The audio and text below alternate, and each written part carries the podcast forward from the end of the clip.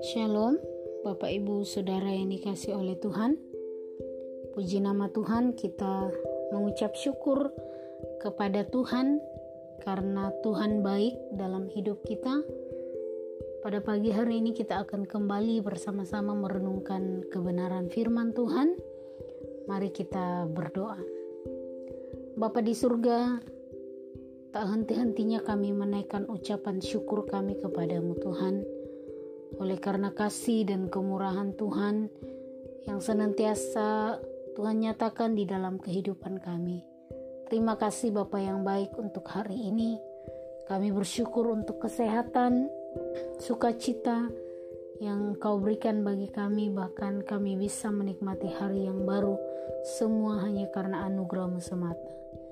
Tuhan Yesus yang baik kami akan bersama-sama kembali merenungkan firman-Mu Berbicaralah kepada setiap kami melalui kebenaran firman-Mu Tuhan, karena kami percaya bahwa firman-Mu mampu membawa kami untuk bertumbuh, mengenal Tuhan dalam hidup kami, dan membawa kami untuk semakin dekat kepada Engkau. Terima kasih Bapa yang baik. Kami akan merenungkan kebenaran firman-Mu di dalam nama Tuhan Yesus. Haleluya. Amin.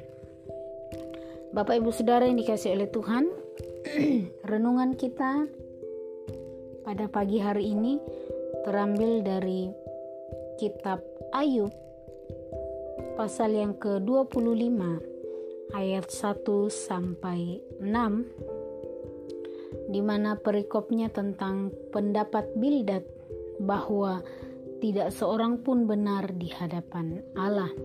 Ayat 1 Maka Bildad orang Sua menjawab Kekuasaan dan kedahsyatan ada pada Dia yang menyelenggarakan damai di tempat yang maha tinggi.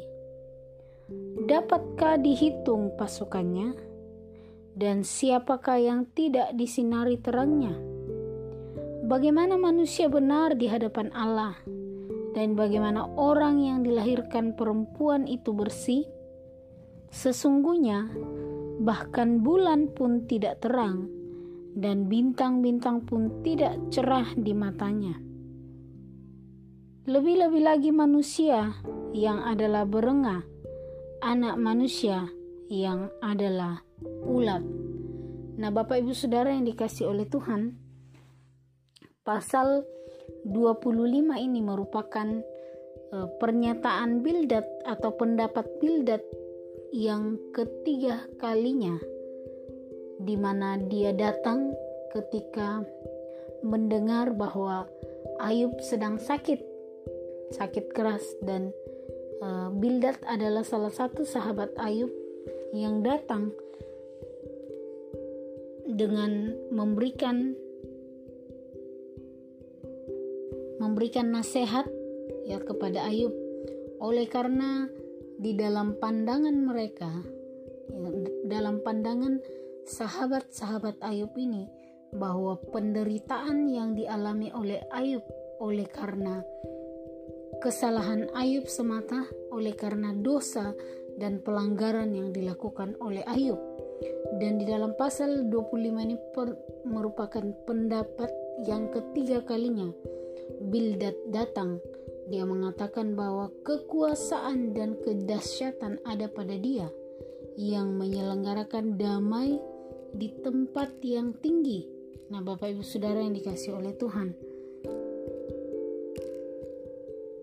Di dalam ayat 2 dan ayat 3, kemudian di dalam ayat 5 kita melihat bahwa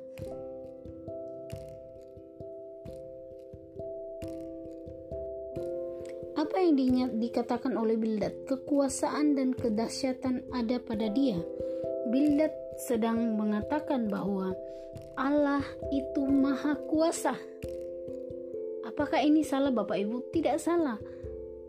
Bildad mengatakan bahwa Allah itu maha kuasa, dia berkuasa atas hidup kita, dia berkuasa atas segalanya. Kemudian di dalam bagian B dia mengatakan yang menyelenggarakan damai di tempat yang tinggi.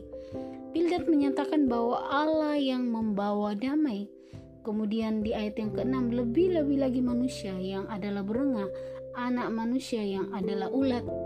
Manusia Bildad mengatakan bahwa manusia itu fana. Ya, manusia itu fana adanya dan apa yang dikatakan oleh Bildad ini merupakan sebuah kebenaran. Tetapi Bapak Ibu Saudara yang dikasih oleh Tuhan, Bildad menyatakan ini untuk memberitahukan kepada Ayub yang sedang di dalam dalam konteks Ayub sedang dalam masa penderitaan atau sedang dalam masalah sakit, penyakit dan lain sebagainya. Apakah yang dikatakan oleh Bildad ini merupakan sebuah kesalahan? Tidak Bapak Ibu, karena apa yang dikatakan oleh Bildad adalah benar. Akan tetapi, kalau kita melihat konteks daripada penderitaan yang dialami oleh Ayub, semata-mata dalam pandangan Bildad, penderitaan itu karena dosa. Dan apa yang dialami oleh Ayub itu bukan karena dosa tidak sesuai dengan apa yang dipikirkan oleh Bildad dan sahabat-sahabat Ayub lainnya yang mengatakan bahwa Ayub berdosa makanya dia mengalami uh, kesusahan. Nah, Bapak Ibu Saudara yang dikasih oleh Tuhan, apa yang harus kita lakukan sebagai sahabat, sebagai orang yang uh, waktu kita melihat teman kita atau kita melihat orang lain sedang dalam masalah penderitaan, kita seharusnya menunjukkan sikap yang berempati ya bukan datang dengan penghakiman karena kita tidak pernah tahu bahwa masalah atau situasi yang sedang dialami oleh orang tersebut bukan hanya semata-mata karena dosa tapi kita tidak tahu apa yang sedang Tuhan rencanakan di dalam kehidupannya. Jadi Bapak Ibu Saudara yang dikasih oleh Tuhan, mari kita belajar bahwa waktu kita melihat orang lain mengalami penderitaan dan kesusahan, kita datang bukan sebagai hakim, tetapi seharusnya yang kita lakukan adalah kita menunjukkan sikap empati. Kita berempati turut merasakan apa yang dirasakan oleh sahabat kita atau orang-orang yang ada di sekitar kita. Dengan cara apa? Kita datang cukup menjadi pendengar yang baik, bukan datang dengan membawa kebenaran-kebenaran yang kita pahami dan kita menuntut orang itu untuk bertobat dan lain sebagainya. Kemudian yang kedua Bapak Ibu Saudara yang harus kita pelajari dari peristiwa ini adalah kebenaran yang diberikan bukan untuk menghakimi atau menyalahkan orang lain, tetapi kebenaran itu adalah untuk memerdekakan. Apa yang dilakukan oleh Bildad? Apa yang dilakukan oleh Bildad dan sahabat-sahabatnya? Dia datang dengan mengungkapkan kebenaran Bapak Ibu. Dia mengatakan bahwa kekuasaan dan kedahsyatan ada pada Tuhan. Ya memang Tuhan itu berkuasa. Kemudian Allah itu sumber damai, ya Allah yang membawa damai, yang menyelenggarakan damai di tempat yang maha tinggi. Kemudian bagaimana manusia benar di hadapan Allah dan bagaimana orang dilahirkan dari perempuan itu bersih. Lebih-lebih lagi manusia yang adalah berengah, anak manusia yang adalah ulat.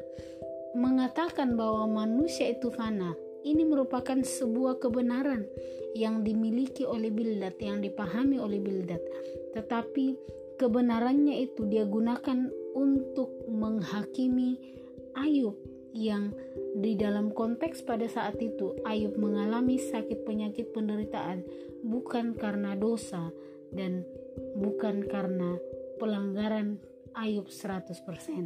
Tetapi kita melihat bahwa di dalam eh, pasal yang pertama di situ dijelaskan bagaimana Ayub ini seorang yang saleh dan hidup benar di hadapan Tuhan.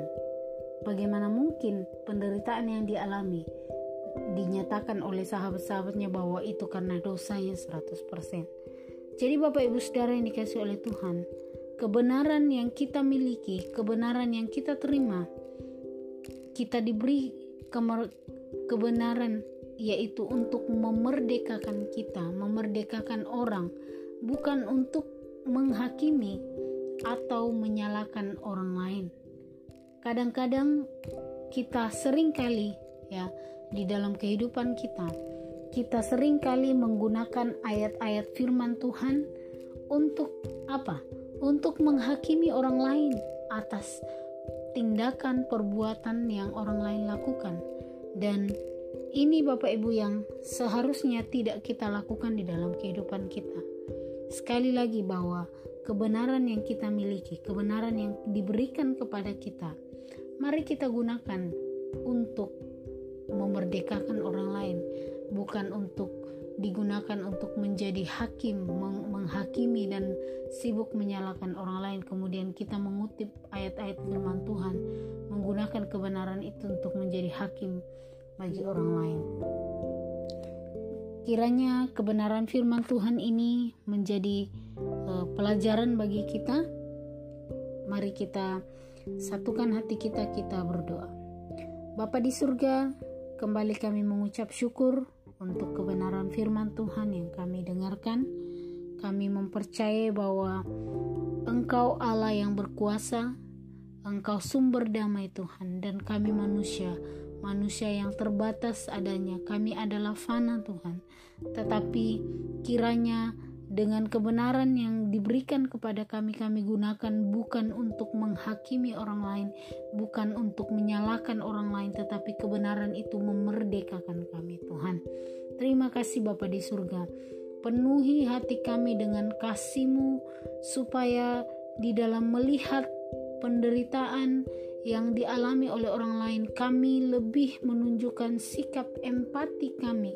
Kami turut merasakan apa yang dialami oleh orang-orang yang ada di sekitar kami.